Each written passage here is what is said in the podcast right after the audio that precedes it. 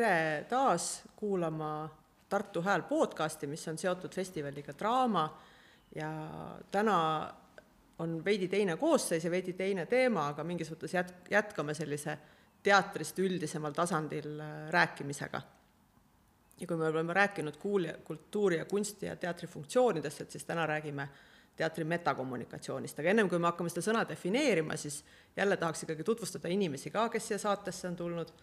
et jätkuvalt on siin Anneli Saro, kes on Draamafestivali metaprogrammi juht, aga ühtlasi ka Tartu Ülikooli professor ja ise ka olnud ju teatrikriitika kirjutaja. no natukene. natukene, aga midagi on kirjutanud. Äh, siis on siin Oliver Issak, äh, kes on Draamafestivali loomenõukogu liige, äh, Paide teatri dramaturg ja ka teatrikriitikat kirjutanud, isegi auhindu saanud selle eest, näiteks nagu teater, muusika, kino. jah, jah, tere aga sa ise praegu kirjutad või pead ennast teatrikriitikuks? ma praegu ei kirjuta, ühelt poolt sest ei ole aega ja teiselt poolt eh, see institutsiooniline mingisugune märge teeb nagu asja natuke keerulisemaks mm. -hmm. ja siis on siin Katrin Tegova, kes on eh, Draamafestivali turunduse kommunikatsioonijuht, aga teinud turundust ja kommunikatsiooni väga paljudele Eesti kultuuriasutustele, ma ei tea, sa võid ka neid nimetada, kui sa tahad, olnud ka ikkagi teatrikriitikuna vist kunagi tegev, hiljuti kirjutas ka, ma just lugesin Eesti Ekspressist, äh, või noh, tegelikult ei saanud seda lugeda, see oli parooli all, aga kirjutas äh, Tartu õdede Serafima Bogdanist, nii et tundub, et sul see huvi on, ma ei tea, kas sa tahad midagi öelda veel enda tutvustuseks? tere ja selle kriitika kirjutamisega on viimasel ajal niimoodi, et kui mind keegi just ei, tagant ei utsita, siis ma nüüd otseselt ei, ei, ei hakka kirjutama, aga jah, et kui siin Eesti Ekspressist Kadri Karro küsis, et kas sa käisid vaatamas ja natuke kommenteerisid Facebookis, et kas sa võiksid kirjutada, siis äh, mul tekkis küll niisugune tunne, et tõepoolest, et no võiks ise ka oma mõtteid sel teemal mingisse vormi panna ja mõelda, et mis, mis, mis see oli siis, mis mulle selle elamuse pakkus, et siis jah, siis aeg-ajalt ikka kirjutan. aga kui ma ütlen, et sa oled võib-olla üks Eesti kõige tahetum nagu turundus- ja kommunikatsiooniinimene, et sa nagu teed erinevaid festivale, erinevaid, ma ei tea, film, teater, et nagu hästi erinevates valdkondades, et siis ma ju ei eksi, on ju jah, ja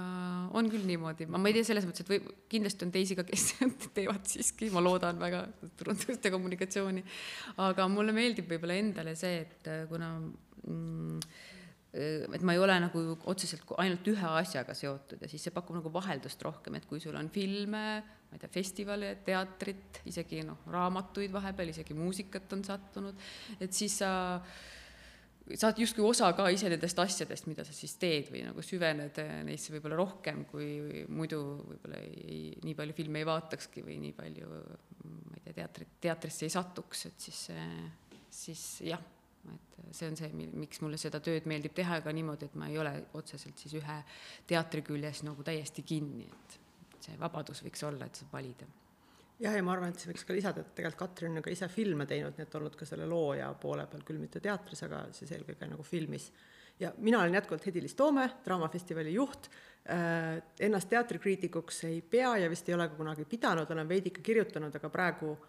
vahel ikkagi teen kaasa sellisesse teatrisaates nagu Teatrivaht, nii et aeg-ajalt ka nagu mingit kriitilist vaadet teatrile edastan ütleks nii. aga et mitte kuulajat ehmatada, metakommunikatsioon, mingid võõrsõnad, et siis ma ikkagi tahaks, et me seda defineeriksime ja ma tean, et Anneli on kõva defineerija, tema kindlasti tahab midagi sellel teemal öelda, nii et Anneli, palun, mida sa ütleksid, mis asi on või millest, millest me räägime, kui me räägime teatri metakommunikatsioonist? mea culpa, mina selle teema tõesti välja pakkusin lihtsalt lühiduse mõttes, aga aga tõesti, ma võin kohe selgitada nagu, mida ma silmas pidasin. et äh, esiteks selline asi, mis võib-olla teile kui noorematele inimestele tundub enesestmõistetav, aga kõikidele see ei ole, et äh, kaua aega räägiti sellest, et, et teatrikunst on nagu teosed, eks ju, et et lavastaja geniaalne, teeb geniaalse lavastuse ja siis vaatajad tulevad vaatama seda teost aga minu meelest kuskil vii-, viimased kakskümmend aastat on ikkagi ka juba teatris räägitud sellest, et äh, teatrietendus ei ole mitte nagu imelise teose imetlemine, vaid et see on kommunikatsioon, infovahetus. et siis nendel teatritegijatel, näiteks kirjanikul ja lavastajal ja kunstnikul ja etendajatel on mingi sõnum, mingi mi-, midagi öelda ja siis nad seda ka etenduse jooksul ütlevad. et see on siis nagu see kommunikatsioon seal, mis seal siis teatrisaalis eh, toimub. aga meta on nüüd siis kogu see jutt, olgu ta siis kirjalik või suuline, mida siis selle etenduse kohta räägitakse ja noh, ma ise oma peas olen selle metakommunikatsiooni jaganud nagu kolme ossa et üks on see, mida siis teater või, või teatri tegijad ise teevad, ükskõik nagu reklaam, turundus, intervjuud näiteks, mida näitlejad, lavastajad annavad ja nii edasi. et see on nagu see teatripoolne metakommunikatsioon. siis teine, mida noh, tihti ka mõeldakse, on see, eks ju, mida võiks võtta kokku sõnaga siis teatrikriitika aga, ja, ja mida siis kirjutavad inimesed, kes otseselt ei ole selle eh, lavastuse tegemise protsessiga seotud ja mis peaks siis nagu, nagu vahendama ja võib-olla hindama ja tõlgendama siis seda. Aga ma, kui teile sobib, ma tooksin ikkagi kolmanda teema ka, mis minu meelest on kohutavalt oluline, aga millest võib-olla Eestis väga vähe räägitakse, on see, et metakommunikatsioon on ju ka see, kui tavaline vaataja tuleb teatrist ja siis räägib kodus või räägib sõbrannaga või, või, või kuidagigi mõtleb ja, ja reflekteerib selle üle, mida ta siis näinud on? Ja ma ei tea, kas teile sobib, aga armastades struktuuri, korda ja muid, muid struktureerivaid asju, et äkki võikski nagu selle tänase jutuajamise ka nagu jagada kolmeks, et, et rääkida kõigepealt äh, sellest teatriturundusest ja kommunikatsioonist. Ja noh, väga hea, et Katrin on siin äh, spetsialist, räägib meile, kuidas asjad on. Ja Oliver ka ju ikkagi Paide teatri töötajana, sa ilmselt midagi ikkagi tead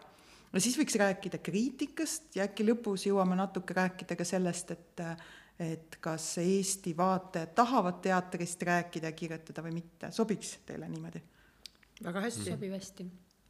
aga siis ma arvan, et kuna sa oled ka meile saatnud küsimuse, mida sa tahaks esimesena küsida, siis sa võid vabalt jätkata, Anneli no just, et äh, ma olen tähele pannud, et suuremates teatrites on eraldi tööl, on, on kommunikatsioonijuhid ja on turundusjuhid ja mina kogu aeg mõtlen, et eh, mis asja nad teevad või kuidas see töö on nende vahel jaotatud, sest ükskõik, mida teater teeb või kirjutab, mina noh, kui teatrist väljaspool seisja kogu aeg mõtlen seda, et aga see on ju tegelikult ikkagi turundus, et kas see on, eks ju, otsene või, või kaudne, no nüüd ka nagu ajakirjanduses me, eks ju, räägime sisuturundusest ja nii edasi, et sellepärast mulle tundub, et, et teatri sisemine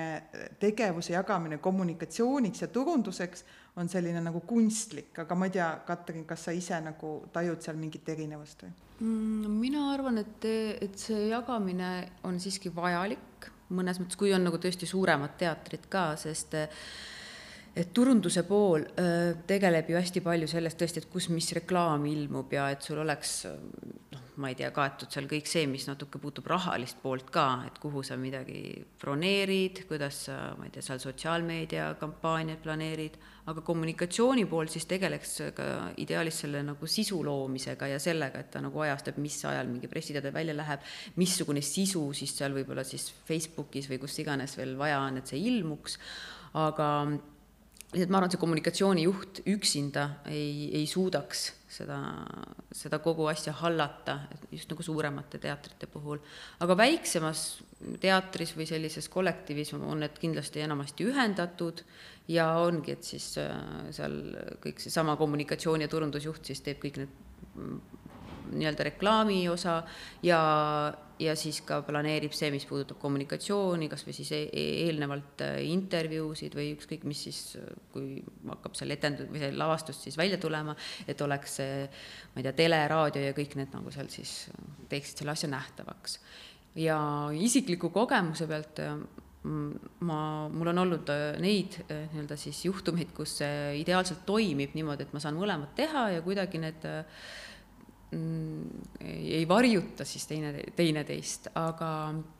mida ma olen siis suuremate festivalide puhul, eh, kas või nüüd, ma ei tea, siin noh, ma ei tea, kas tuua näiteid mingi tar-, Tartuf kas või et ma tundsin, et ma tegin küll seal turunduse poolt, aga et mu hing nagu ise pigem kutsus sinna kommunikatsiooni poole peale, et siis ma tundsin kohe, et et mõne suurema asja puhul see turundus on ikkagi niivõrd mastaapne, et sul on sinna vaja tõesti nagu mingit osakonda juba, et kes tegeleb sponsoritega ka, mis on veel eraldi turunduse osa. Ja, ja, ja just, et siis see kommunikatsioon, kuna Startupi puhul oli see teise teha, siis ma tundsin, et ma tahan kogu aeg nagu sinna justkui nagu sekkuda või vaadata, et kuidas see, et siis äh, võikski öelda, et äh, nad peavad igal juhul tegema hästi tihedalt koostööd, sest kui näiteks turunduse pool hakkab seal ajama täiesti mingit oma asja ja kommunikatsioon oma asja, siis nad ei, ei kata nii-öelda ära seda ala, mis nad peaksid nagu, et üks võib-olla seal ilmub mingi kaks nädalat enne juba kõik reklaam ära ja kommunikatsioon tuleb siis võib-olla täitsa viimasel hetkel või siis vastupidi juhtub, et on kuidagi see sünkroniseerimine on oluline ja võib-olla teatrites võib ka see olla üks selline komistuskivi, kui see hästi nad omavahel ei, ei, ei saa toimima. Või siis, kui ma näiteks üksi teen midagi, siis, äh, siis ma pean väga hästi planeerima niimoodi, et mul oleks kõik nagu enam-vähem samaaegselt, et kui midagi läheb endal ka nihkesse, siis mõtled, et no tekib niisugune nagu skisofreeniline olukord, kus sa justkui oled endaga seal, et miks ei teinud turundus ära seda ja miks kommunikatsioon nüüd ootab, et see, et see on jah, et selles mõttes võib olla nii, nii ja naa, aga oleneb täiesti minu arust organisatsioonist või sellest sündmusest ka ja, ja sellest suurusest. et idee, jah, ideaalselt festivalidel võiks olla minu arust kommunikatsiooni ja turunduse inimesi ka seal kuskil neli-viis, et keegi peab ka sotsiaalmeedia äh, üks asi on sisuloome, aga teine on see, kes tõesti tehniliselt kõike seda asja ajastab, planeerib seal, et see jookseks, et sa võid mõelda küll, et mis see üks postitus seal Facebookis on, aga selle ettevalmistus on tihtipeale nagu päris aeganõudev, et seal visuaali otsimine, kui sa teed seda põhjalikult, see võtab sul, või võtta täiesti mingi poolteist, kaks tundi päevas, et jah. Jaa, no meil Paide teatris ei ole tööl ei kommunikatsioonijuhti ega turundusjuhti ehk siis eh, kõik need ülesanded, eh, millest te mõnes mõttes just rääkisite, on jagatud ära nüüd selle seitsmeliikmelise meeskonna peale. et mina ja, ja Jan Teevet, meie kunstiline juht, kirjutame nii pressiteateid kui Facebooki postitusi ja näitlejad otsivad sponsoreid ja nii edasi. et see on väga, väga ära jagatud või noh, et ega seal ei ole ka midagi teha, ei ole lihtsalt ressurssi ja, ja tuleb ise, ise ette võtta aga ei, ma mõtlesin Anneli sult küsida siit edasi, et kas sulle ei tundu mingis mõttes ülekohtune nimetada kõike kõiki tekste, mida teatrid loovad ja, ja nii-öelda välja toovad justkui turunduslikuks või et need on nagu väga selge eesmärgiga midagi müüa. või et ma olen mingis mõttes nõus, et see on nagu valdav, et kui ma noh, et mingite näitlejatega ilmuvad intervjuud alati siis, kui on esietendus tulemas või et nad kuidagi satuvad sinna Ringvaatesse tavaliselt nagu nädal ennem esietendust. aga noh, et põhimõtteliselt ma ütlen vahepeal ühe kommentaari, enne kui sa vastad, Anneli, et, et just, et mingi hetk, kui ma tegin päris palju nagu filmidele just, et siis ma ise juba naersin, et ma käisin äh, poes ja siis ma vaatasin neid ajakirjade esikaani, ma teadsin täpselt, mm. on ju, mis on tulekul, sest et alati oli esikaanel keegi, kellega on kas mingi film või asi, et see kunagi ei olnud nagu mingit juhuslikkust enam, mis on tõesti kohati ka selline kurb, et sa nagu tead, et see on kõik ainult nagu turunduse eesmärgil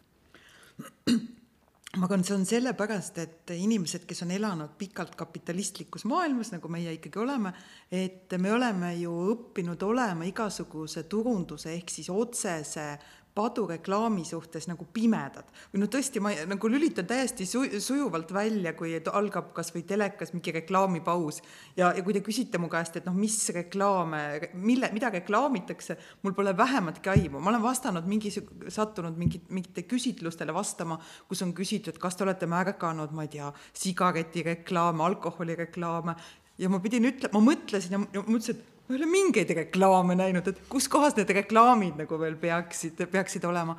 Ehm, ja mulle tundub, et ma ei ole siin nagu erand, et inimesed tõesti, et et sa nagu selekteerid infot, eks ju, ja kui sa näed, et tegemist on otseselt turundusliku žanriga, ükskõik plakat või, või mingi telereklaam, siis ja sulle tundub, et see ei ole sinu jaoks, sa lülita ennast välja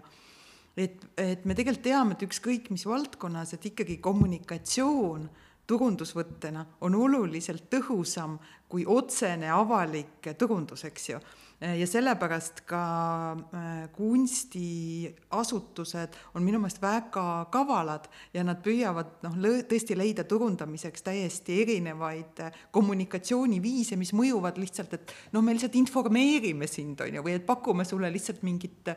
mõnusat asja või, või, või noh, ma ei tea, järjehoidjat või midagi taolist. Äh, ja, ja loomulikult on see nagu turundus, aga ma ei ütle, et, et see on nagu halb et siin ongi, see on ka, ma arvan ka, et, et turundus ja kommunikatsioon on ka nagu kunstid, eks ju, või vähemalt ma väga hindan, kui seda hästi-hästi ja loovalt tehakse ja mind tabab turunduslik sõnum täiesti ootamatus kohas, täiesti ootamatus žanris, siis ma ikkagi saadan alati vaikselt mõttes tervitused sellele turundusjuhile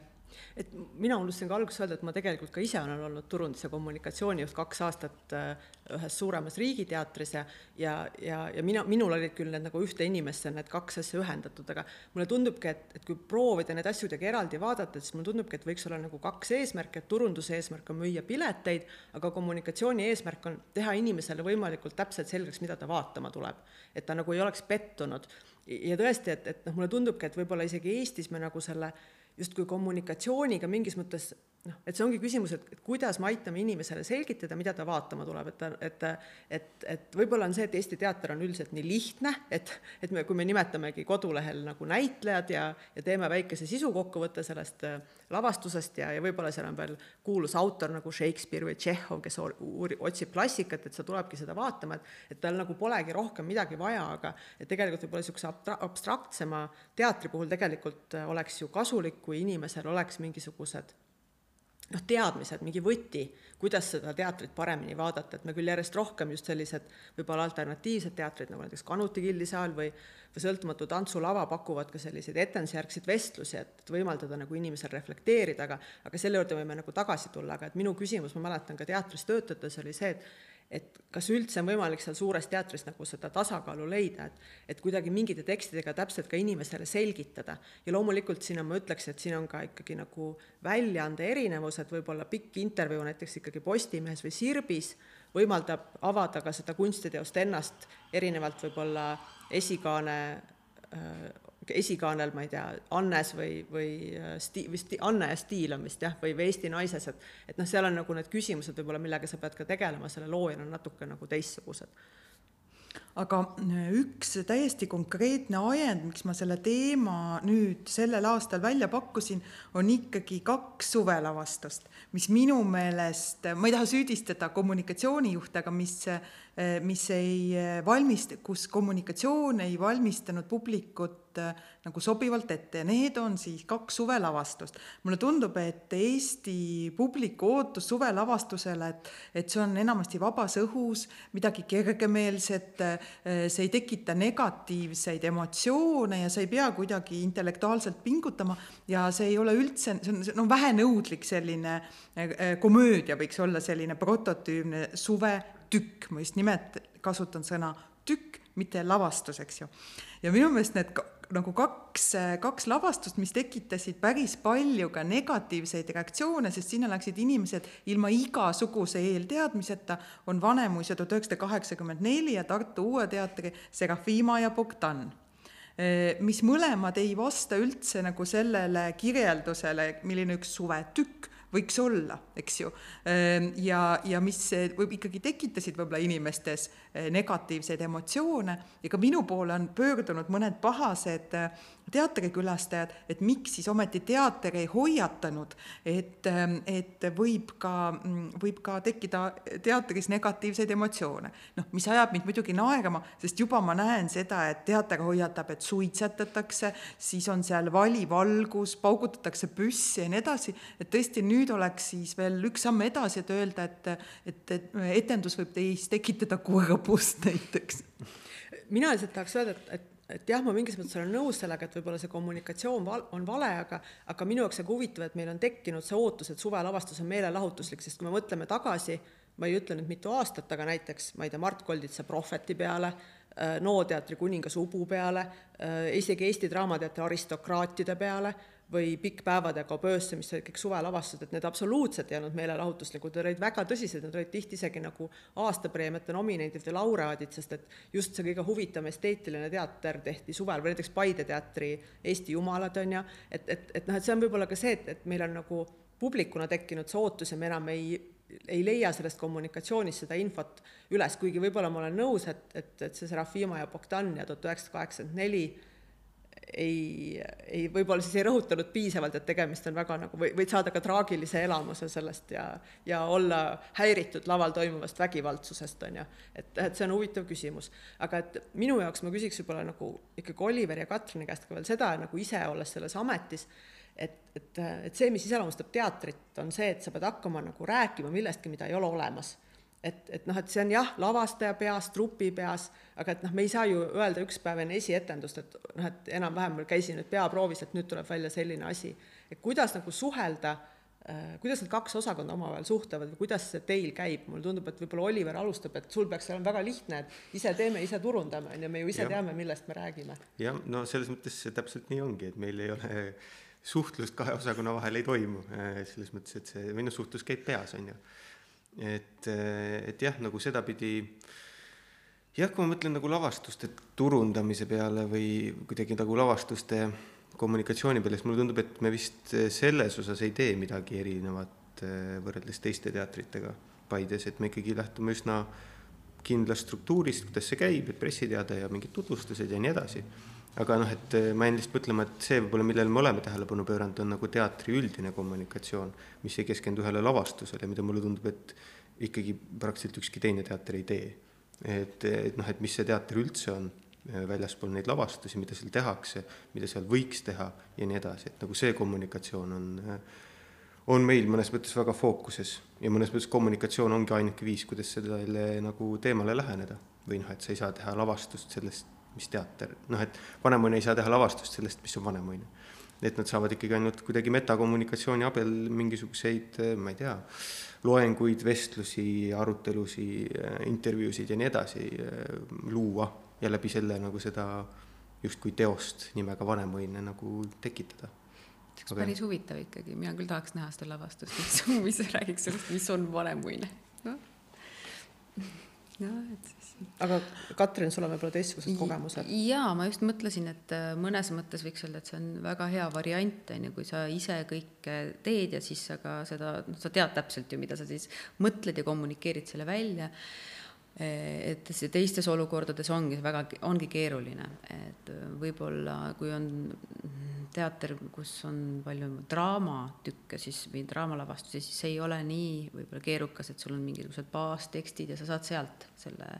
sisu koos lavastaja või trupiga koos kokku panna ja need nii-öelda sünopsised või tutvustused sünnivad lihtsamini. aga näiteks just etenduskunstide puhul ja tantsu puhul, et minu arust see on üks kõige keerukamaid, sest tõepoolest alles tullakse võib-olla proovisaali hakatakse koos mõtlema, mis see võiks üldse olla, mingid teemad on õhus, aga ja lavastaja ja trupp ise ka veel täpselt ei tea, nad otsivad. Ja siis tuleb äh, sinna see turundus- ja kommunikatsioonijuht, kes ütleb, nii, homseks meil on vaja siin, ma ei tea, see tutvustus ja tehke mingi visuaal ja kõik, et see on keeruline, et siis ma ise olen ka püüdnud käia proovides ja vaadata ja nii-öelda siis kaasa mõelda lavastajaga samamoodi või noh, et ongi, et me arutleme siis ja siis me jõuame lõpuks selleni, mis see võiks olla, aga seal teksti ongi noh, igast asjast peab tulema ju teksti ja siis selle teksti loomisprotsess on tihtipeale päris vaevaline, sest äh, proovide käigus ju vahepeal kõik muutub, et kui sa hakkad juba selle nii-öelda valmis saama, et nüüd välja saata, siis äh, avastatakse, et oi, aga tegelikult see ei ole ikkagi see võib-olla, et me oleme hoopis, ma ei tea, jõudnud mu-, teistele järeldustele ja, ja oleme siin katsetanud ja see muutunud kõik.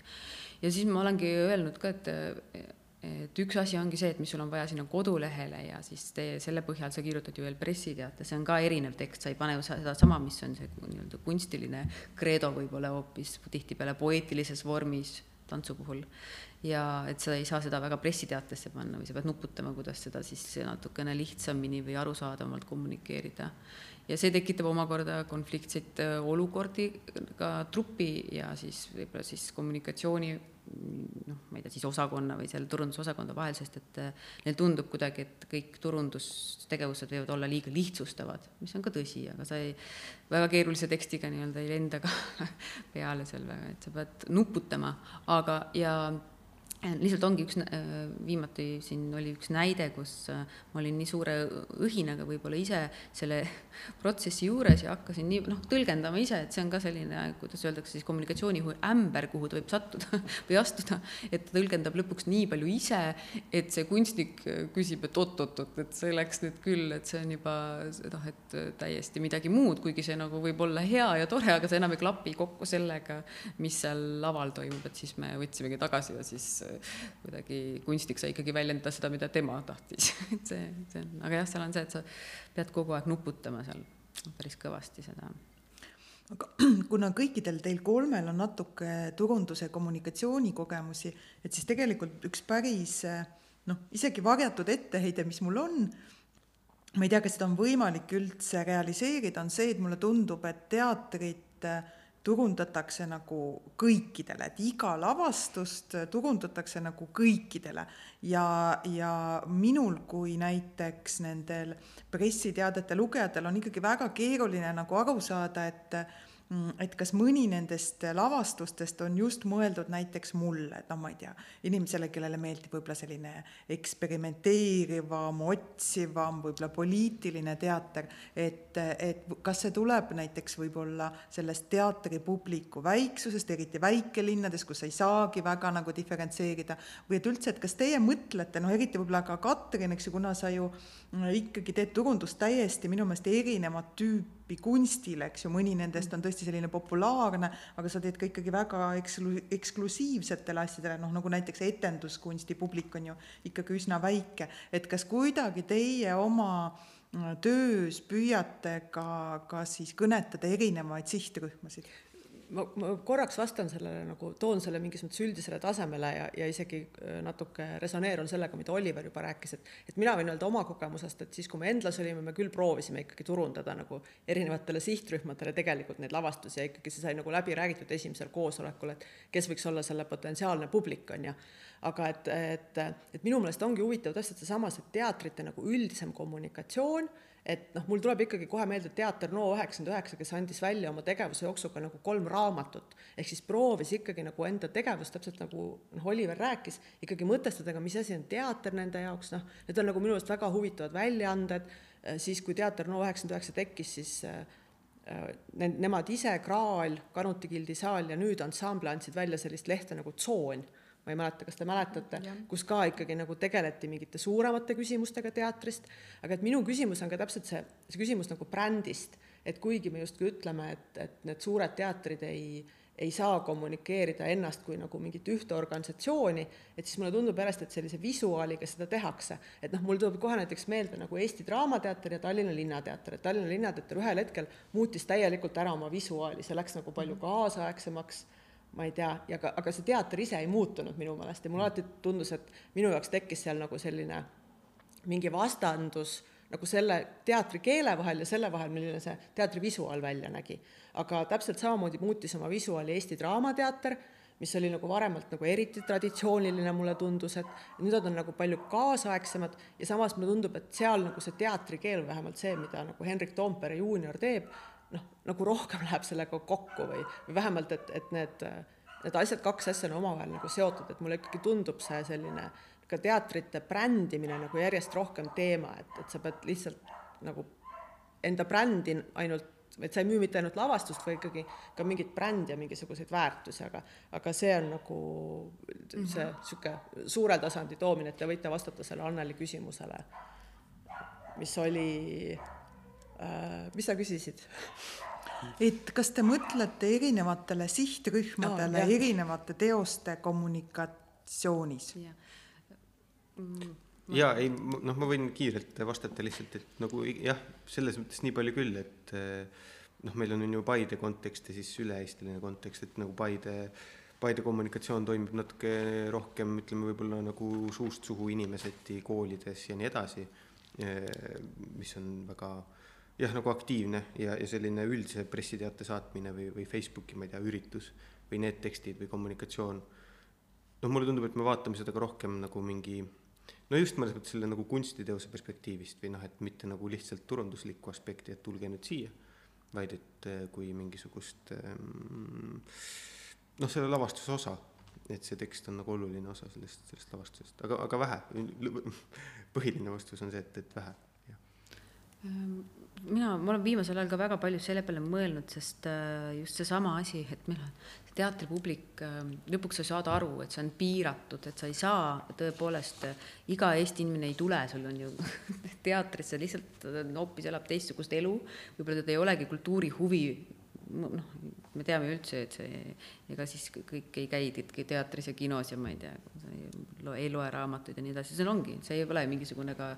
reegel, mida sa peaksid justkui, et sa pead tegema neid ja neid asju. ja, ja siis, kui vahepeal oodatakse ka ju turundus- ja kommunikatsiooni poolt, et me peame kõik saalid täitma, on ju, see on ikkagi nagu see noh, ükskõik, mis sa võid seal nuputada, lõpuks on ikkagi see, loeb ju arvud, noh. ja siis, kui ise tulebki öelda et äh, selle lavastuse või selle, ma ei tea, festivali publik on see arv, noh, ma ei saa siit üle, me, meil ei ole lihtsalt kuskilt võtta või sa pead tegelema sellesama olemasoleva publikuga hästi palju ja kui sul on mõnikord mingisugune hea mõte näiteks, et kui meil on siin äh, kas äh, siis nii-öelda mitte eestlastest, et ongi muukeelseid, siis nuputada nendele eraldi näiteks välja mingisugust kommunikatsiooni, et ka nemad saaksid info kätte, mis äh, on päris suur väljakutse tihtipeale ka, aga, aga et sul ei ole võimalik kogu aeg sedasama nagu eestikeelset või Eestis elavat publikut kogu aeg nagu juurde tekitada, et see ei kasva, et et selles mõttes, aga sihtgruppidega, ma usun, et tuleks küll teha tööd, et samas, et sul, et sa ei pakukski vale asja nagu äh, valele sihtgrupile, sest et siis sealt tuleb ka negatiivset tagasisidet, mis omakorda tõmbab võib-olla sul järgmiste, ma ei tea, siis lavastuste või filmide seda publikut kohe maha, et sa natuke nuputama, kuhu kanalisse sa midagi suunad et jah, et tõesti, et võib-olla ongi, et proovida nüüd see osa kokku võtta, liikuda, liikuda järgmise teema juurde, mis on kriitika, mis kindlasti tekitab ka palju äh, arutelupunkte, et, et tõesti, et selle noh, teatri suur väärtus on see, et et äh, sa pakud midagi publikule ja tal ei ole kunagi õigust tarbijakaitsest raha tagasi nõuda, sest et ka tema on võtnud riski, et ta läheb vaatama midagi, mis, mille kohta veel keegi täpselt ei tea, mis see on. aga mulle tundub niisugune ülemineku küsimus selle kriitika juurde on äh, tegelikult Katrini tõstatatud teema, et nagu negatiivsed uudised kui mhm. kommunikatsioon, et see ei ole, eks ole, kriitika veel, et lähme nagu kriitika juurde otsesemalt, aga just see, et mida, mis sulle tundub, et kas see nagu tuleb kasuks või mitte või mis, mis on need neg negatiivsed uudised no, näiteks? no öeldakse äh, tihtipeale, et äh, kui sa oled pildis ükskõik, selles mõttes, kui see on ka midagi halba või sellist nagu negatiivset, siis sa vähemalt oled ikkagi pildis kuigi mõnikord öeldakse seda ka sellepärast, et lihtsalt neelata alla seda nagu pettumust ja püüda, püüda siis pöörata seda justkui nagu heaks. et ähm, noh, tihti siin ähm, ise seda tööd tehes ma olen, on ka nagu noh, selliseid nagu eetilisi teemasid ka päris palju, et kuhu maani mingi turundusega minna ja siis, kui sa pead ikkagi andma mõista, et minu arust see ei ole enam nagu eetiline või et me ei saa päris igast, igast august nii-öelda tulistada, et, et me peame valima, mida me teeme. et siis noh mulle, mulle tundub ka, et see, et me ei saa iga, igasugust asja, ka negatiivseid või selliseid, kui kellelgi midagi juhtub, et siis sa, sa pead mõtlema ennem, kui sa selle siiski kuskile välja hõikad või, või, või, või ma ei tea, inimeste seda oma eraelu ja seda sa ei sa ei saa lihtsalt kasutada seda ju turunduse eesmärgil või see ei ole eetiline. et seda tehakse muidugi ka väga palju umbes, et oo, noh, filmide puhul tehakse ju seda nalja alati, et kui film on võttes, et siis kas keegi jalaluud ei olegi murdunud, meil on vaja saada no, sinna kuskile uudistesse et noh, see on selles mõttes see on selline jah keerulisem teema. ja see on huvitav, jalaluu murdmine, ma lihtsalt ma ei olnud siis veel Paide teatris, aga, aga eelmine sügis, kui esietendus äh, Peeter Volkonski ooper Carmen, et siis eh, ühel hetkel, ma ei mäleta, mitmes etendus see siis oli, aga jah, näitlejanna murdiski lava peal lava, jala. aga ma saan aru, et vist see oli nagu, eh, vähemalt meie teatri poolt ei olnud nagu mingit kommunikatsiooni tohutult, et hei, et eh, suur uudis ja värki-särki. et see pigem lihtsalt nopiti nagu üles see jõudis ja ma mäletan seda väga hästi selles mõttes see oli. aga jah, ühesõnaga ma ei ole uurinud selle kohta, aga, aga ma sain aru et see tuli see nagu. juhtub ja, ja sellest, et see tuleb nagu teemaks, aga see, et ise mm -hmm. see kommunikatsiooniosakond ei hakka nagu mõtlema, oh, et kust siit saaks ja, ja. midagi. samamoodi on ka nii-öelda nende persooni lugudega tiht-, noh just, et äh, pakutakse seal suuri meie esinäitlejaid ja kõiki ja siis äh, kõik muidugi Eesti naine või kes iganes, siis ajakiri on loomulikult huvitatud ju, tema tahab teada ka tema seda, mis tal siis päriselt seal mm. veel elus toimub ja see teatri ja filmi pool on siis üks osa ainult, aga, aga mõned näitlejad ütlevad ka ära, sellepärast et nad ei taha rääkida muust, aga sellised nagu naiste ajakirjad ja nad ei ole huvitatud rääkima ainult nagu kunstist, et see on tõsi. Jah, et mina ka oma töös kogesin seda, et ikkagi näiteks noh, mingid näitlejad mingitele ajakirjadele ei tahtnud nagu et nagu nii-öelda mitte mingil tingimusel nad ei soovinud nendega rääkida ja mina vähemalt proovisin siis nagu vastu tulla, aga et täpselt see ongi nagu see küsimus, et mis on sinu ülesanne selles ametis, et võib-olla ikkagi veenda neid näitlejaid, et nad peavad mm -hmm. osalema ka mingites saadetes, ma ei tea, kuskil telemängudes. no filmide puhul ja. näiteks see pannakse lepingutesse sisse sageli, et mida sa pead tegema selleks, et film välja mm -hmm. tuleks, sest äh, kuidagi sa pead, sa pead koostööd tegema, sest muidu on keeruline sellel mhm. produktsioonifirmal seda filmi üldse eriti siin Eestis ka, et kuna meil ongi nagu need mõned kanalid ja kui ta sinna ka ei lähe, et siis või ta ei ole nõus üldse midagi tegema, et no mhm. mingisugused kok-, noh, sellised kuidas öeldakse, siis kokkulepped on võimalik ju teha, et sa ei pea tegema kõike seda päris, mis sa ei taha, aga ongi, et siis seesama turundusinimene saab leida sobivama formaadi selle inimese mm -hmm. jaoks, et kas see siis on kirjalik intervjuu või on ta siis tõesti teles või raadios, et midagi ikka leiab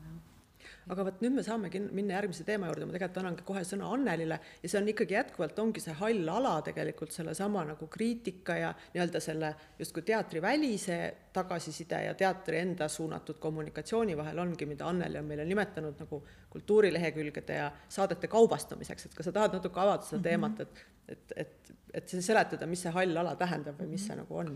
Jah et äh, kuna mina ise oma doktoritöös, mis, äh, mida ma kaitsesin vist aastal kaks tuhat neli, et see on juba noh, väga ammu aega tagasi, ka uurisin ka siis teatrikriitikat, siis ähm, noh, mis oli üheksakümnendatel ähm, hästi tüüpiline, äh, oli see, et kõigepealt siis ajalehtedes hakati lavastustele panema siis hindeid või, või punkte, eks ju mis nüüd on nagu täiesti ära kaotanud, aga see oli tavaliselt viie palli äh, süsteemis, et said siis nagu heal juhul viis ja kuni siis üheni, eks ju. et see oli nagu üks asi, mille üle hästi palju vaieldi aga teine, mis noh, tendents, mis oli minu meelest üheksakümnendatel veel isegi nagu jõulisemalt esil ja mis, mida praegu tehakse peenemalt, on see, et eh, kuidas ajalehtede toimetajad, sest ju väga paljud ajalehed ei üheksakümnendal ega ka nüüd, eh, neil ei ole raha või soovi palgata endale kutselist eh, teatrikriitikut arvustust kirjutama, vaid et kultuuritoimetaja võtab siis pressiteate ja siis kirjutab sinna veel midagi võib-olla juurde ja, ja avaldab selle arvustusena oma nime all. et, et tõesti, et see ei ole nagu minu mingi impressioon, eh, vaid tõesti põhineb nagu minu sellel uurimistööl, kus just eriti üheksakümnendatel tegelikult leidsin peaaegu identseid lauseid ja tekste erinevatest lehtedest, aga täiesti erineva autori nime all, eks ju Mm, et minu meelest nüüd see tendents on nagu, nagu ajalehtedest ikkagi nagu ära kadunud, et pressiteateid avaldatakse üleüldse ajalehtedes või et seda avaldatakse siis justkui nagu sellise arvustuse nime all. Aga ma mäletan, et umbes samal ajal, kui mina oma tööd tegin, siis üks äh, Šveitsi kolleeg, tema uuris Šveitsi saksakeelsete päevalehtede siis äh, kultuurilehekülgi ja just eriti, et kuidas teatrit kajastatakse kajastatakse. ja muidugi see, mida ta noh nägi, see on jälle meie igapäevane reaalsus, mm, aga nüüd sõltub võib-olla ajalehest, et noh, kõigepealt ta nägi seda, kuidas üheksakümnendatest kuni siis sajandi esimese kümnendini, kuidas tekstid, tekstid muutusid järjest lühemaks, kuidas pildid muutusid järjest suuremaks ja, ja tendents, mis meile vist veel pole jõudnud aga ta ütles seda, et üldse öeldi, et teater on liiga elitaarne, et teatrist võiks üldse vähem kirjutada. et peaks kirjutama sellistel kultuuriteemadel, mis puudutab võimalikult laia sihtrühma. see tähendab ikkagi film, arvutimängud, võib-olla mingid elustiili asjad ja nii edasi ja muidugi noh, see oli suhteliselt, suhteliselt pessimistlik doktoritöö oli see, mida ta kirjutas. et kui me nüüd vaatame seda konteksti, siis ma ikkagi ütleks seda, et et meie Päevalehe kriitika eh, on suhteliselt ähm, heal tasemel, aga meil on, eks ju, ju eh, noh, ütleme kolm päevalehte ainult jäänudki, eks ju, et, et neid tegelikult pindasid, kus teatrikriitikat avaldada, on jäänud äh, väga napiks, aga et, et noh, see, mis seal on, minu meelest on siiski sõltuvalt muidugi lehest, siiski ütleme noh, küllaltki mitmekülgne, aga aga no te võite hiljem äh, avaldada arvamust, aga ma ikkagi tahaks rääkida nüüd ühest päris kohutavast asjast ja, ja see on see, mida teeb Eesti Televisioon. Äh, sõltu-, noh, minu vanuses inimesena ma siiski vaatan riigitelevisiooni ja mul on seal välja kujunenud ka oma mingisugusedki lemmiksaated, mida ma olen aastakümneid vaadanud, üks nendest on näiteks Hommik Anuga või Opp, eks ju ja need on ikkagi olnud äh, noh, sellised saated, mida ma nimetaks ikkagi kultuuri metakommunikatsiooniks, et need on olnud intelligentsed, huvitavad äh, saated, mis püüavad ka kultuuri kuidagi mõtestada aga me näeme seda, et näiteks need saated on head näited sellest, kuidas eh, kultuur on lihtsalt kaubastatud ja kuidas eh, kultuurikriitika või kultuurikommunikatsioon on tegelikult muutunud ikkagi toodete tutvustamiseks. nii et ma ikkagi ütleks, et, et erinev, noh, et see on kõik muutumises, aga me näeme ikkagi enda ümber väga palju nagu selliseid saateid või selliseid väljaandeid, kus see see eh, metakommunikatsiooni esimene osa, see teatrite kas otseselt või kaudselt tehtav turundustegevus ja justkui sõltumatu eksperdi poolt eh, kultuuri tutvustamine, mõtestamine on täiesti sujuvalt eh, üksteisele käe andnud. Ja muidugi iseküsimus on see, et noh, et võib-olla see on ju tore, kui, kui teatrid on, teevad kommunikatsiooni lihtsalt nii hästi, et meile tundub, et siin on noh, sõltumatu ekspert või sõltumatu vaatleja siin tutvustab seda, sõltumatu ajakirjandus, ehm, aga, aga et kõik on nagu teatri poolt ette suunatud. Ja äh, liht-, tuli meelde lihtsalt, et ka see, mida sa räägid äh, Rahvusringhäälingust, et äh, Suurteatri sõber Rein Lang räägib peaaegu iganädalaselt seda oma äh, raadiosaates Olukorrast ajakirjanduses, kus ta ütleb ka ja mis on ka tõsi, millega ma nõustun, et äh, noh, et ERR-i eesmärk ja mõte ja olemus ei luba teha justkui reklaami, aga see, mis toimub ERR-is, on see Ringvaade või kõik need saated, millest sina räägid, et, et siis noh, see on ikkagi juba nagu noh, nii ilmselge turundus, mis seal toimub, et jah nagu ma arvan, et see ei ole mitte, mitte teatrite süü, vaid see on pigem nagu Rahvusringhäälingu enda asi, et nad võtaksid selle kätte ja teeksid selle korda. just. ma lihtsalt äh, arvan, et seal on ka tegelikult see teema,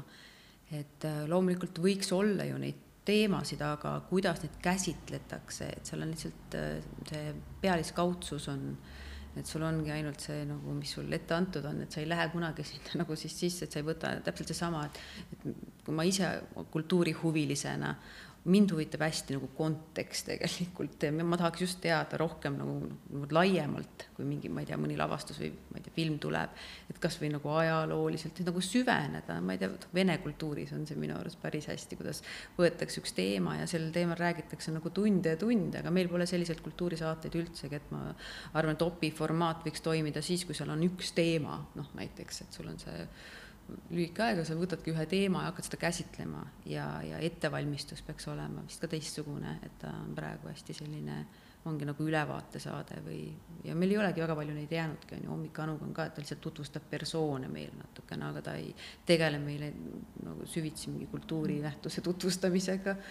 et sa jääks ise ka kuulama, et mhm. seda ei ole jah. aga, aga kui vaadatagi nüüd, nüüd neid ähm, telesaateid ja vaadata kõiki neid naiste ajakirju, ma mäletan, et paar korda on olnud niimoodi, et ma olen vaadanud Erik Kioskis, et äh, milliseid, äh, mis on naiste ajakirjade kaane, kaantel ja, ja kaks korda ma olen avastanud, kus olid eranditult ainult naisnäitlejad et, et minu meelest ikkagi see sümptom, see diagnoos, mille ma praegu panen Eesti teatri metakommunikatsioonile, on see, et ollakse täielikult äh, langetud äh, näitlejate ja näitlejannade mõjuängi ja kus tegelikult see noh, ka Katrin ütles seda nagu persoon domineerib või kõike nagu käsitletakse ainult läbi persooni, sest ta annab, eks ju, selle pildi sulle, ta annab selle mingisuguse elustiili elemendi ja kus nagu noh, kultuuriline sõnum üldisemalt kuidagi on jäänud täiesti tahaplaanile ja noh, muidugi ma arvan, et see on, see on äh, viga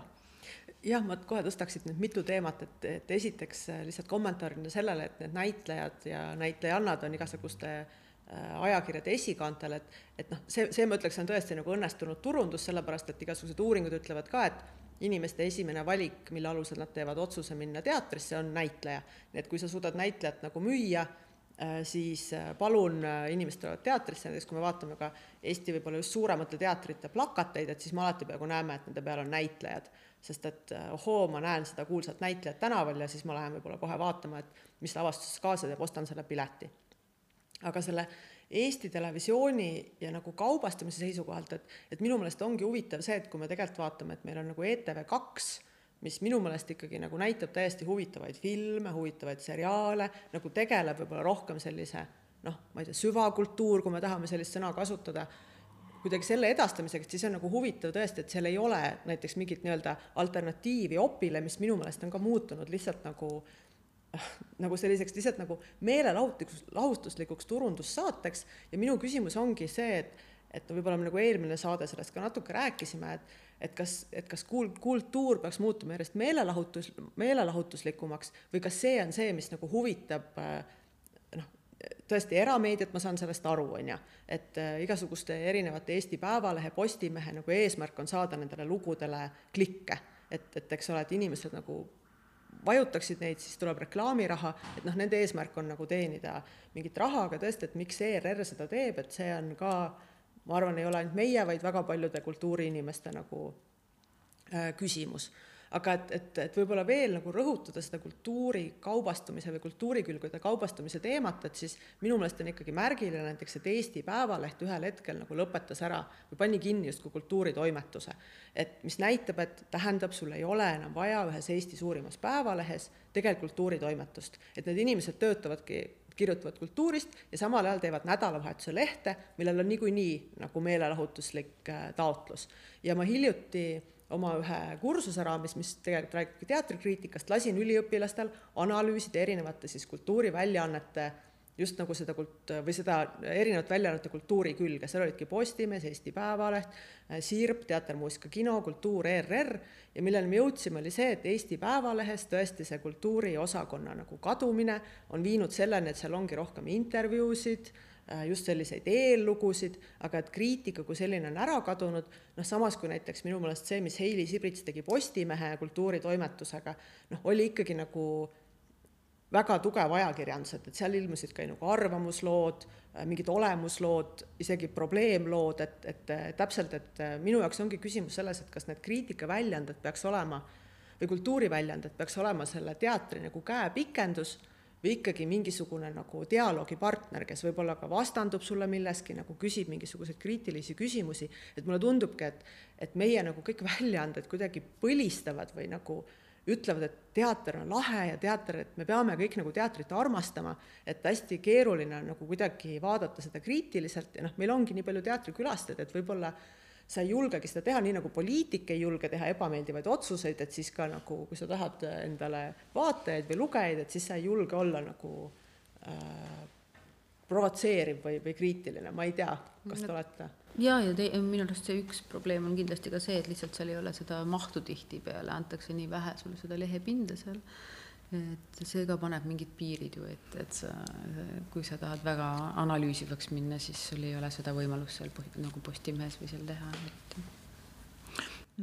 jaa, aga ma arvan, et eesti keeles on ka natuke, see sõna teatrikriitika ütleb justkui seda, nagu kriitika eesmärk oleks kritiseerimine ja hindamine, eks ju ja ma olen nõus sinuga, Hedilis, et Eesti teatrikriitika või ma, ma mõtlen, et minu meelest teatrikriitika alla ma loeksin ka näiteks sisukad intervjuud teatritegijatega, kui seal on tõesti nagu kultuuri mõtestamine ja tõlgendamine, eks ju, mitte ainult siis elustiili küsimused et ähm, aga tõepoolest, et noh, et kui me mõtleme, et miks, mis selle, mis selle niinimetatud kriitika laias mõttes nagu noh, mida ta peaks üldse tegema ühiskonnas või miks teil nagu seda vaja on, siis kindlasti noh, ma ei ütle seda, et, et seda tutvustamist pole vaja või informeerimine on ka kindlasti hästi oluline, et inimesed üldse, üldse teaksid ja, ja, ja kindlasti on ka oluline tõesti nagu siis see tõlgendamine või sidumine äh, ajalooga, loo, ajaloolise konteksti loomine. aga ma tooks nagu selle laiemalt siia sisse, et et eh, ma tean, et eh, noh, harimine, kultuur, öelda seda, et kultuurikriitika peaks ka harima oma lugejat, et see kõlab justkui mm, üleolevalt äh,. aga ma arvan, et see on siiski hästi oluline, sest kui ma vaatan, et teatrikriitikasse on tulnud ka viimasel võib-olla viieteistkümnendal aastal hästi palju uusi sõnu, uusi nähtusi, meil on palju uusi teatrivorme ähm,, olgu kasvõi ma ei tea, osavõtuteater või rännaklavatused ja nii edasi, nii edasi, et et neid on tõesti tulnud müriaadina mm, aga et ma ei näe seda, et, et see, et kultuurileheküljed oleks võtnud endale ka niisuguse hariva ülesande, eks ju, et selgitada siis inimestele läbi tutvustamise, et, et millega on tegu, eh, kas mingil asjal on tõesti mingid ajaloolised taustad, sotsiaalsed, kultuurilised taustad, et publikut ka kuidagi ei aidata selleks, et siis selle, selle noh, mõista võib-olla seda äh, lavastaja eh, ambitsiooni eh, või ka seda, et kuida-, kuida-, kus üks või teine looja või lavastus nagu sellisel teatrimaastiku väga mitmekülgsel balletil või menüül, eks ju, asetseb. ja see on mulle tegelikult nagu võib-olla kõige rohkem teeb muret, et, et ega me ei aita ka oma, oma vaatajat, et mõnikord me näeme küll ju, järjest rohkem ka seda, et publik lahkub võib-olla etenduselt. Eh, aga mida ta peab siis tegema, kui, kui ei ole teda ka noh, ma ei tea, kavaleht, kriitika, eh, keegi, keegi tegelikult ei aita ka, eks ju. et ja ma tean, et mul on kahju nendest inimestest, kes on lahkunud etendustelt, sest nad on tundnud ennast nagu kuidagi väga Äh, lolli või harimatuna või nii edasi, aga see ei ole tegelikult nende süü, eks ju. et sellepärast ma ka nagu ütlen, et minu meelest on nii teatri kommunikatsiooniosakonnal kui ka no ütleme, meil, kriitikutel ja uurijatel ikkagi ka see väga oluline roll aidata siis neid kasvõi noori inimesi või, või ka inimesi, kes puutuvad kokku täiesti mingi uut tüüpi kunstinähtusega. ja mulle tundub ka, et on nagu päris vajalik, et noh, mida mina olen üritanud veel, et et äh, kui on mingisugused teemad, mida võiks rohkem avada üldse, aga sageli siis ähm, ega, ega siis äh, meedia, nad ei ole suure hurraaga, ei korja neid üles, see on nende jaoks keeruline mm, -hmm. sest nad mhm. peavad tege, tegema siis ju ka tööd rohkem. lihtsam on võtta ju keegi, kes läheb, vaatab ära, kirjutab ära, valmis, pildid juurde, kõik on ju. aga kui sa annad nagu need teemad, siis see tähendakski noh palju, palju rohkem tööd, aga siis ongi see, et äh, mida osad väiks-, väiksemad teatrid ka suudavad teha, et nad ise loovad siis seda konteksti seal või näiteks, et me noh, sõltumatu tantsulaval on koreokohvik, on ju, kus on kas siis intervjuu, intervjueeritakse siis äh, truppi või siis on sellised äh, samal teemal artiklid tõlgitud, mis ei pruugi olla võib-olla ka kõige lihtsamad alati, aga nad natukenegi avavad seda lavastaja ideed ja mõtet, sest et sa, kui sa ei leia sealt äh, nii-öelda siis su, ma ei tea, kohe uudisteveerult seda, et milles, millega see, millega tegu on, aga sul on võimalus kuskilt natukene otsida rohkem infot, et see võimalus on olemas, et ma usun, et see ole, on hea variant tõesti, või mm -hmm. näiteks ka Serafima Bogdani ja. puhul ähm, ma hakkasin mõtlema, et äh, kui oleks antud mingi võimalus kuskil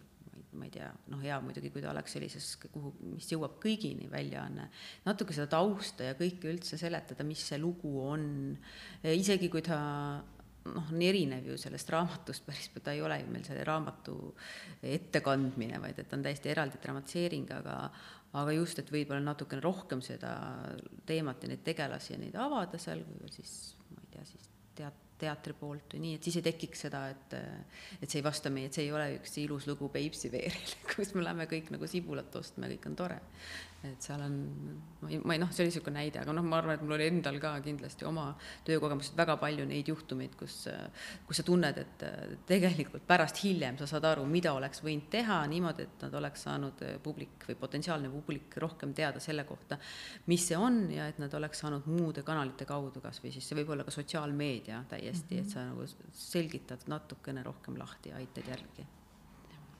ja no kui tulla tagasi selle nagu teatrikriitika üldise või laiema nagu teema, teema juurde, ühesõnaga jah, et lihtsalt äh, ka mingis mõttes eelmise saate jätkuks äh, jäin mõtlema selle peale, et äh, et selle teatripubliku vähenemise nagu põhjustest siis noh, et üks asi on minu arust jätkuvalt see, et see teatripileti hind kallineb, et see, selle suveteater, ma arvan, on kõige kallimad piletid, kui üldse kunagi on olnud võib-olla ja tõenäoliselt see kandub edasi. aga et teine asi on ikkagi, mida mina olen tähele pannud, ongi see nagu teatrikriitika siis laiemas mõttes, mitte ainult arvustuste, vaid ka üldse nagu intervjuud ja nii edasi, ikkagi nagu vähenemine. või et seesama nagu Eesti, Eesti Päevalehest või Ekspressist äh, üldse kultuuritoimetuse kadumine, kus minu arust seal ei räägita üldse teatrist peaaegu enam. Mm, ja nüüd ma olen ikkagi tähele pannud, et pärast äh, Heili Sõbritsa lahkumist Postimehe kultuuriportaali toimetaja kohalt on ikkagi ka see teatrikesksus on ikkagi märgatavalt nagu kahanenud. et siis ongi tulnud nagu videomängud või, või popmuusika või popkultuur ja üldse nagu popkultuuri kesksus mulle tundub, on väga laialt domineerima hakanud, aga ka et nagu Sirbis minu arust on, on teatri osa ikkagi nagu noh, vahepeal ongi üks või kaks arvustust ja ongi kõik. et, et noh, et ka lihtsalt see, et me räägime kultuurist, teatrist vähem kuidagi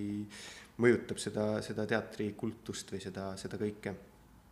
aga jah mm,, jah. et ma tahaks ka öelda just, et täpselt, et, et, et, et noh, nii väikses kultuuris nagu Eesti, et nii nagu ma ei tea, me oleme Anneliga kunagi siin arutanud või, või rääkinud oma välismaale, välismaa kolleegidele seda, et Eestis võibki üks lavastaja või üks inimene muuta nagu väga palju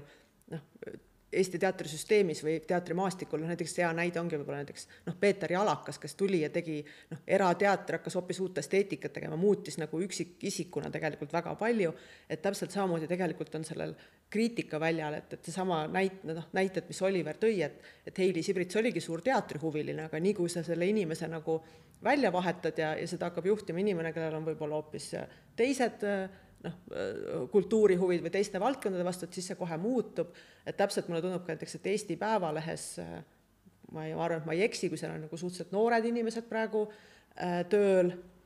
võib-olla kellel ongi rohkem popkultuuri huvi, et, et see kohe nagu mõjutabki tegelikult täpselt seda, et, et millest äh, nagu äh, kirjutatakse. ja, ja ma arvan, et ikkagi, et, et mitte nagu liiga teha Eesti kultuurimeediale, et, et see nüüd ei ole siin minu idee, mul on tunne, et seda vist on öelnud ükskord kuskil podcast'is Meelis Oidsalu, kes ütles, et, et tegelikult on meil Eestis ju nagu väga suur kultuuri Äh, ajakirjade või, või kultuur, nii-öelda kultuurikriitika väli, et meil on Vikerkaar, meil on Looming, need on kõik väga soodsad, me saame neid koju tellida, meil on ikkagi nagu kirjutajate hulk mingis mõttes olemas. et minu küsimus on pigem see, et, et kuidagi jah, et see teatrikriitika on ainult sellises ma ei tea, peavoolumeedias, ma küll ei taha seda sõna kasutada ja kuskil öeldi ka, et et kui me ise rõhutame seda peavoolumeediat, et siis tekibki kohe alternatiivmeedia Äh, et, et seda sõna ei tohiks kasutada, aga just, et, et minu meelest meil ei ole nagu ma ei tea, väga palju podcast'e, mingeid nagu teisi kanaleid, kus tegelikult teatrist kirjutatakse või räägitakse. kuigi mulle tundub, et näiteks ma ei tea, kunsti puhul võib-olla neid on rohkem või, või filmi puhul on nagu äh, rohkem, võib-olla ma eksin, aga et, et kas või ongi lihtsalt, et teater on nagu kuidagi niisuguses nagu traditsiooniline ja et las ta siis kasutab neid traditsioonilisi kanaleid, et temast ka nagu rääkida või kirjutada, et, et ongi Sirp ja Postimees ja kohalik kobruleht ja et aga, et noh, võib-olla ongi teatrivaht on nagu ainuke selline mingi muu meedium, mis nagu teatriga kuidagi ka kriitiliselt tegeleb. tead, et ma arvan, et asjad on nagu muutumas et äh, kui ma vaatasin, kui äh, sundimatult näiteks kas või üheksakümnendatel või ka veel sajandi alguses äh, inimesed hakkasid kirjutama teatrikriitikat, on ju, sest muusikakriitikat või kunstikriitikat, noh, ütleme võib-olla isegi kirjanduskriitikat ei, inimestel on nagu ikkagi nagu mingi lävend, et sa, kui sa ei ole, sa ei tunne ennast nagu asjatundjana, sa ei hakka kirjutama. aga teatris on ju igaüks asjatundja, eks ju. aga ma arvan, et see kehtis seni, kuni ikkagi domineeris selline realistlik noh,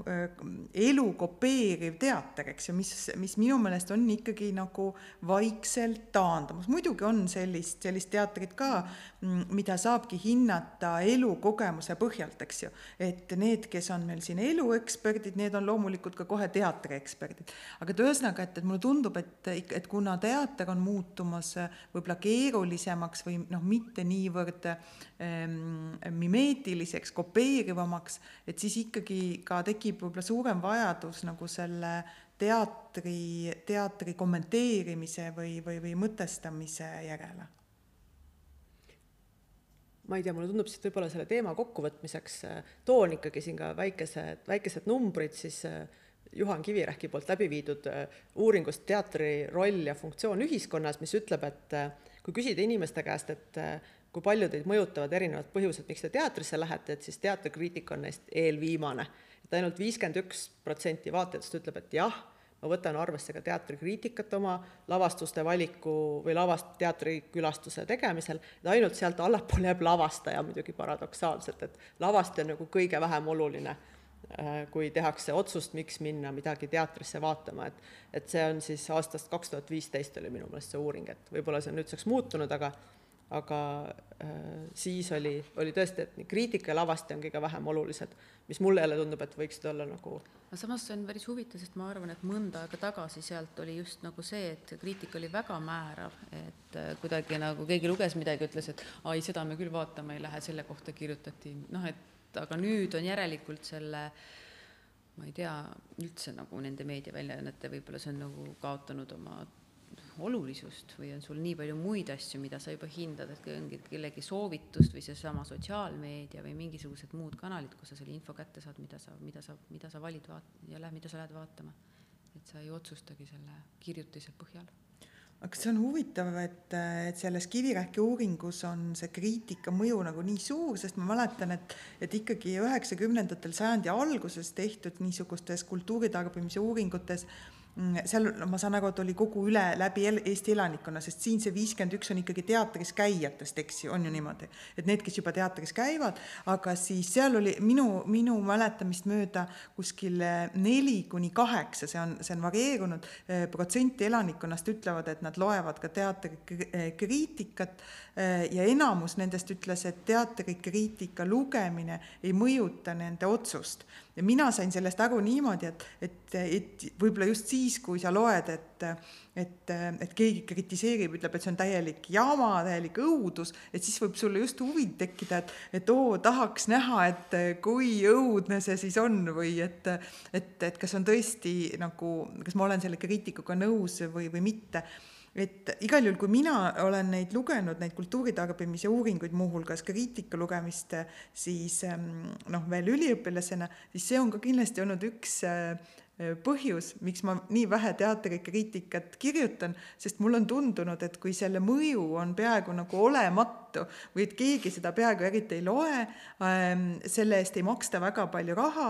mm, aga vähemalt minu puhul ma ikkagi panustan sellesse üsna palju oma äh, aega, oma vaimset energiat, siis lihtsalt on tundunud mulle see täiesti nagu kasutu tegevus ja ma olen otsinud neid väljundeid, kus ma siis võib-olla saaksin äh, rohkem publikut ja kus ma saaksin suuremat mõju avaldada. noh, näiteks tulin siia äh, praegu teiega juttu ajama lootuses, et sellest on mingisugustki kasu või, või mingit mõju.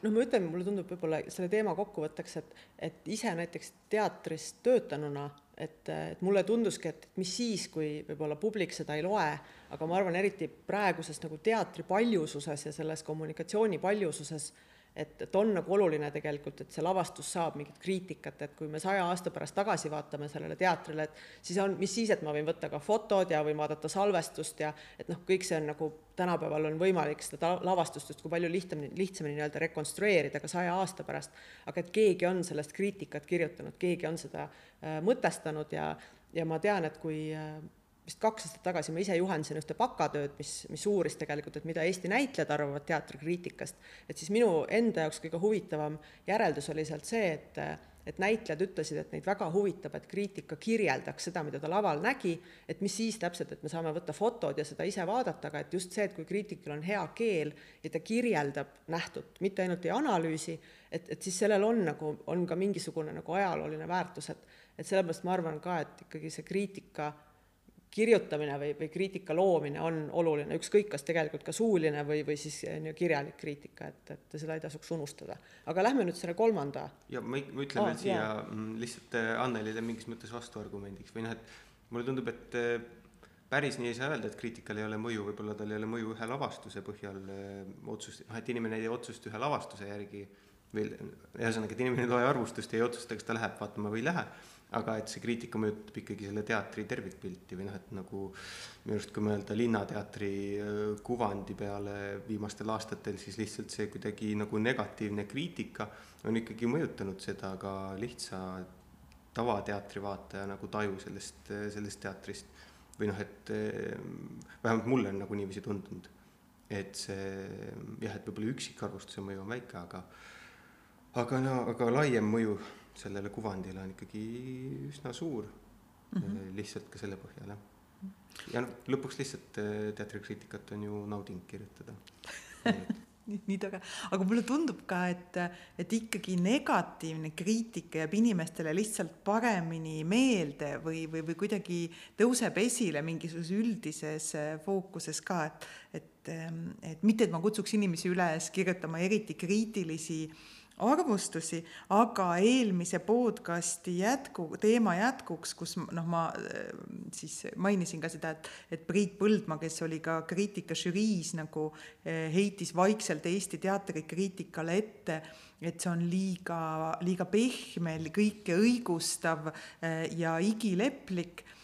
siis tahan siia vastukaaluks tutvustada ühte vana sellist provokatiivset ideed, eh, mille mm, Tartu Ülikooli teatriteaduse üliõpilased välja pakkusid, et peaks sisse seadma teatripolitsei ametikoha. Mm, sest tõepoolest, et äh, ikkagi alati igas riigis, ka Eestis on väga palju mitteprofessionaalset teatrit, mida müüakse kõrgete hin-, hindadega kõrge kunsti pähe. Ja et siis need teatripolitseinikud võiksid käia mööda teatreid ja kui nad näevad midagi, mis on lihtsalt väga ebaprofessionaalne, väga lohakalt tehtud, äh, siis nad lihtsalt, ähm, äh, neil on õigus see lavastus repertuaarist nagu maha võtta ebaprofessionaalsuse tõttu. Või, ja kui on tegemist tegemist eriti hullude etendustega, siis isegi etendus katkestada. nii et, et tõepoolest, et mulle tundub, et lisaks sellisele leebele ja mõistvale ja õigustavale kriitikale oleks ikkagi vaja rõhutada, et kriitika, kriitika niisugust distsiplineerivat rolli ka või et ta, ta võtab ikkagi vastutuse ka nende tarbijate eest ja ütle, ja ütleb tarbijatele, et kuulge, ärge makske selle, selle eest seda hinda, sest see ei ole seda väärt aga siit ongi ikkagi võimalus minna selle kolmanda nagu metakommunikatsiooni rühma juurde, et äh, mis on siis äh, tõesti publik. Ja ma arvan, et, et noh, et et mina pean järjest olulisemaks, seda me juba ka eelmine kord sellest rääkisime, sellest nii-öelda kaasavast pöördest või sellest, et, et kuidas ka need inimesed, kes on saalis, äh, just siis noh, nagu Anneli siin alguses ütles, et teater oma olemuselt on kommunikatsioon, et isegi kui inimesed istuvad saalis vaikselt äh, pimedas, et siis tegelikult toimub kogu aeg selline nagu info või energiavahetus, et isegi kui saalis keegi midagi ei ütle, siis, siis tegelikult laval sa tunned, et milline see meeleolu seal äh, on, et ja me teame seda, et kui keegi naerab ja naerdakse koos, siis sellel on nagu suurem väärtus ja kõik see, aga et siin me räägime minu meelest just sellest, et mida inimesed sellest pärast räägivad või kuidas sellest räägitakse ja, ja näiteks sellepärast on minu jaoks väga oluline, et, et just Draamafestivalil me ka teeme neid etenduse järgseid arutelusid, et me tegelikult pakume inimestele võimalust midagi selle kohta öelda, tavaliselt keegi midagi ei ütle, või, või noh, et see Eesti inimene on nagu üsna, üsna tagasihoidlik, aga et et, et, et eriti võib-olla just nagu sellises teaduskirjanduses me järjest rohkem tahaksime teada, et mida inimene selle teatrikogemusega nagu laiemalt teeb, et kas ta üldse midagi teeb või et paneb teatri ukse kinni võtab, võtab riided garderobist, paneb teatriukse kinni ja läheb minema. et noh, sellest me ja räägime unustab nagu, selle jah, kõik. ei, sest sellest me räägime palju rohkem, eks ole, et teatris käik ei hakka mitte, mitte teatrisse õhtul minekust, vaid sellest, et sa ostad pileti, kuidas sa selle pileti ostsid, sa hakkad nagu valmistuma, aga et küsimus on, kes, mis pärast tegelikult toimub, et, et kuidas see kogemus nagu inimesse talletab või mis seal, mis seal juhtub. ja kui mina oma doktoritööd äh, tegin, siis, siis me viisime ka läbi suuri, suure hulga publiku-uuringuid siis peamiselt Tartus ja peamiselt Vanemuise näitel, et kokku vastas sellele tuhat nelisada inimest ja seal olid tegelikult kaks küsimust, et kas see lavastus, mida, mida sa nägid, on sulle isiklikult oluline, kas see lavastus, mida sa nägid, on sotsiaalselt oluline. ja noh, meie üllatuseks tuli välja, et ei ole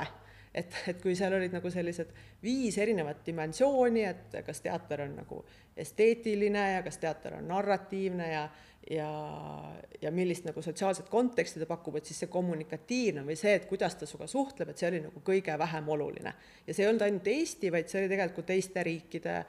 puhul, noh, mis muidugi tekitab küsimuse, et võib-olla see oli metodoloogiliselt nagu valesti sõnastatud küsimus. aga et, et tegelikult me nagu näeme, et et inimesed võib-olla väga paljud ei oska nagu seostada seda, seda teatrist saadud kogemust otseselt nagu enda elu või, või sotsiaalse kogemusega, kuigi pean nüüd kohe enda sõnu sööma, et me nägime, et lavastused, mis tegelesid mingite sotsiaalselt olu-, oluliste teemadega, et neid muidugi peeti nagu äh, noh, iseendale isiklikult või sotsiaalselt oluliseks. et ma ei tea, kas me, kas me tegeleme sellega Eestis liiga vähe, kas, kas me tegelikult arvamegi, et me ei pea mõtlema sellele, kuidas publik kuidas ja mida ta tegelikult pärast sellest etendusest mõtleb aga kas see sinu töö ei näidanud veel ka seda, et, et rohkem nõustuti sellega, et see lavastus on sotsiaalselt, ühiskondlikult oluline, aga hästi ja. vähe sellega, et see on mulle isiklikult oluline. ja see tund-, seda, siin ma näen nagu, tunnen ära mingit mustrit, et, et mäletan, üks nendest oli näiteks Sofi Oksanini Puhastus, on ju. et kohe, et jaa, tõepoolest, et see on väga oluline, et me tegeleme oma ajalooga ja, ja, ja me revideerime seda ja mõtestame ümber ja, ja naisvaadet vaatepunktist seda räägime, aga see kõik ei puuduta üldse mind. et, et see tegelikult ikkagi, isegi kui see on nagu teaduslik viga, eh, et isegi siis see ikkagi nagu -hmm. intrigeerib mind, mm, et kas need lavastused siis tõesti neid inimesi isiklikult ei puudutanud või äkki teater üldse inimesi isiklikult ei puuduta, sest ei ole nagu seda harjumust või ka aega et siis luua seoseid äh, laval nähtu ja inimese enda elu vahel või kas see on üldse oluline alati? Mm, minule tundub ka, et siin on, äh, et seesama, et kas sinna teatrisse satub selline teatriteadlikum publik või see on keegi, kes läheb, et, et ta ütlebki, et äh, ma lähen täna teatrisse ja kui sa küsid, mis sa vaatama lähed, siis ta isegi ei pruugi teada, et mis, mis see on, ma lihtsalt täna ma lähen teatrisse. ja see, siis see tihti tähendabki seda, et teatrisse vaatad ära, tuled välja, see on see on kõik, see oli selles mõttes selle üks õhtu osa, edasi toimub seal juba midagi muud ja see ei, ei pruugigi teemaks tõstatuda rohkem või et ta ei arutlegi ja ta ei mõtlegi seda, et kuidas see talle, mis see talle nüüd tähendas et ta võtab seda pigem sellesama nagu õhtu täitena või meelelahutusena, mhm. minu arust on see lihtsalt nii erinevad publiku mhm. tüübid või samamoodi võiks need niisugused nagu lugejatüübid ka, et kes loeb mõnda raamatut ja läheb sinna sisse, leiab paralleele oma elust või oskab nagu seda ka laiemalt hästi nagu ühiskondlikul tasandil analüüsida või kes loeb seda lihtsalt kui ühte, ma ei tea, ilukirjanduslikku teost, mis on, et ma lähen sinna maailma sisse ja ma fupsti tulen sealt välja ja rohkem uks kinni ja kõik, et see ma arvan, et siin ei saagi täpselt niimoodi öelda, et me, et me peaksime justkui oot-, me ei saa oodata, et kõik inimesed on nii-öelda siis see, kuidas öelda, selle nagu ühtemoodi loevad midagi nagu mhm. tead. aga kas, kas see ei ole seotud natuke sellega teatri rituaaliga, seda, seda ei juhtu küll alati, aga mõne lavastuse puhul see torkab eriti silma, et, et kohe, kui näitlejad on saalist kadunud, siis inimesed tormavad kohe kiiresti garderoobi ja siis see noh, imekiiresti eh, teatrist välja, noh, võib-olla tõesti neil läheb nagu buss ja nii edasi, aga et nagu seda, eh, kas see järelemõtlemise aega üldse võetakse või kas seda on meie elus või kas me üldse väärtustame seda, et, et me peaksime veel kultuuri üle veel kuidagi ka järele mõtlema, et, et mulle tundub ka, et see on mingi harjumuse või, või rutiini küsimus. sest ma tahaks kohe ikkagi Oliveri käest eelkõige küsida, kes ikkagi mulle tundub, et te olete Paide teatris seal nagu kogukondlikkuse mingiks eesmärgiks võtnud ja minu jaoks tähendab ka dialoogi. et kas, kas te kuidagi tekitate seda võimalust äh, nagu päriselt inimestega rääkida või, või mis see, mis see nagu tähendab? Mm, jah, no selles mõttes, et äh, see, mida me üritame teha, on mingis mõttes ikkagi nagu väljaspool lavastusi on ju, et nagu just selle nagu teatri rolli, äh, teatrina tekitada dialoogi inimestena, inimestega. Et on see siis noh, seesama, et küsida selle järgi, mis võiks olla teatri roll ja, ja kuidagi üritada siis seda nagu rolli mingit pidi täita just ka nagu sinna ühiskondliku organisatsiooni poole. et seesama mingite debattide korraldamine või kuidagi nagu selle selle kogukonna sidususe loomine on nagu see, mida me üritame teatriga teha ja kust me väga, väga aktiivselt selle kogukonnaga räägime. et noh, me, ma ei tea, ongi selle, sel-, alustades sellest, et me lihtsalt kohtume iganädalaselt eh, inimestega Paidest, et rääkida, et mis siin on varem olnud, kuidas nad seda linna tajuvad ja nii edasi. aga jah, nagu lavastuste keskselt me niivõrd palju ei, ei tegele selle publikuga ikkagi jah et noh, mul tuleb meelde, ma lihtsalt mainin, et minu arust nagu Mustkast oli vist esimene, kes tegi ja ma eks nad teevad jätkuvalt seda, et iga etenduse järel on vestlus publikuga. et see ei ole ainult nagu ühe etenduse asi. Ja mulle tundub, et No üheksakümmend üheksa vist oli esimene ainus, kes tegi nagu eelsissejuhatust etendustele, on ju. et see formaat on mingis mõttes huvitav ja minu arust võiks leida lihtsalt nagu uusi, mingis mõttes uusi lähenemisnurki, et see kuidagi vestlus publikuga on jubagi no, nii vana või nii lihtne formaat, et äkki on olemas ka mingeid, ma ei tea, jah, huvitavamaid lähenemisi aga minu jaoks ongi selles mõttes hästi huvitav täpselt see, et, et kõik tormavad pärast etendust minema, et yeah., et kui me mõtleme selle peale, et peaaegu igas suuremas teatris on nagu teatrikohvik, et kas see ei oleks see koht, kuhu sa lähedki pärast, ma ei tea, klaasile veinile noh, mis iganes veel õhtust sööma võib-olla isegi, et et, et võib-olla see probleem on see, et kui kõik asjad kestavad kaks nelikümmend, siis sa tõesti tahad nagu kella kümneks koju minna, et kui asi kestaks nagu tund viisteist, et siis sa leiaksid veel aega ka nagu veini juua ja, ja, ja nagu inim-, noh, ma ei tea, sõpradega juttu rääkida, sest me teame, et inimesed käivad vähemalt kahekesi tavaliselt teatris, et üksi teatrisse minek on nagu pigem äh, harukordne, et, et võib-olla ka teatrid ise tegelikult saaksid noh, väga lihtsate vahenditega hea menüü ja hea vein võib-olla kaasa aidata sellele, et inimesed istuksid. ma olen mõelnud ka nagu teistpidi, et lihtsalt nagu ka etendusse tulemine on väga suur protsess, et noh, et miks mitte, et etendus algab kell seitse, kõik tulevad kohale ja siis öeldakse, et nüüd läheb veel viisteist minutit ja siis alustame, et see on nagu noh, et väga lihtne ja tegelikult võib ju teha nii, miks mitte. Mm, -hmm. et jah. Ühesõnaga jah, et neid nagu võtteid on minu arust palju, aga neid väga ei kasutata. Või ei uurita või ei kaardistata eh, praegu, vähemalt hetkel jah, et sest tõesti mulle tundub, et selle teema võtame väga kiiresti kokku, et siin ei ole nagu palju midagi öelda, aga et, et võib-olla nagu ei noh, et, et meil ei ole palju uuringuid ja me tegelikult teame sellest nagu väga vähe, aga et see oleks võib-olla tõesti asi, millega nagu rohkem tegeleda selle, just selle nagu selle publiku enda kogemuse, ma ei tea, sõnastamise, uurimise, nendele võimaluse pakkumisega, et aru saada, et et mis, mis siis see teatri mõju nende in, inimeste isiklikku ellu on, sest ma ikkagi arvan ka, et paljudel inimestel see ikkagi on ja, ja kindlasti on Eestis väga palju teatrit, mis ka tekitab sulle isiklikku resonantsi ja tegelikult sa mõtled sellele veel, veel palju aastaid ja, ja ma ei tea, ma arvan, et kui küsida inimeste käest, et mis on su erakordseim teatrielamused, siis tihti need võib-olla on aastate tagused väga hästi meelde jäänud lavastused. Aga ma tahaks võib-olla lõpetada niisuguse nagu provokatiivse teemapüstitusega, et me oleme täna rääkinud nii palju nagu sellest, et kuidas teater iseennast kommunikeerib, kuidas sellest räägitakse, kuidas seda kritiseeritakse. Ja kindlasti siin on relevantne see kunagine ma arvan, et see on Andy Warholi ütlus, et everybody wants to be famous for fifty minutes, et igaüks tahab olla viisteist minutit kuulus, aga et nüüd hiljuti ma sattusin niisuguse meemi peale, et, et praegusel ajal nagu everybody wants to be anonymous for fifty minutes, et kõik tahaksid tänapäeval nagu anonüümsust, et me elame nagu sellises ühiskonnas, kus noh, põhimõtteliselt mitte midagi ei ole enam võimalik teha nii, et sust jälg maha ei jääks, sest et kui sa teed midagi internetis, siis on, on kindel, et, et neid asju sealt enam kustutada ei saa. Et kas teile ei tundu, et võib-olla väga alternatiivne oleks see, et sa ei räägi mitte midagi, mida sa teed, keegi sellest, seda ei kritiseeri, see ongi nagu täiesti alternatiivne ja see ongi mingisugune uus võimalus, et, et me ei, me ei pea sellest rääkima ja ja satuvad need, kes satuvad ja ja mina olen väga palju mõelnud seda oma töö juures mõnikord, et äkki saaks mõnda asja niimoodi kommunikeerida, et sa ei kommunikeeri üldse ja vaadata, mis siis juhtuma hakkab, on ju, aga aga enamasti need tegijad väga ei ole sellest vaimustuses, sest nad kardavad, et, et äkki kui tõesti keegi ei tule, et te oletegi seal üksi, aga aga jah, et see, see oleks just huvitav, et kui sa ei tee neid tüüpasju kõiki nagu, mis sa kogu aeg järjest teed, et mis, mis siis hakkaks juhtuma, et kui võtta nagu tühjaks.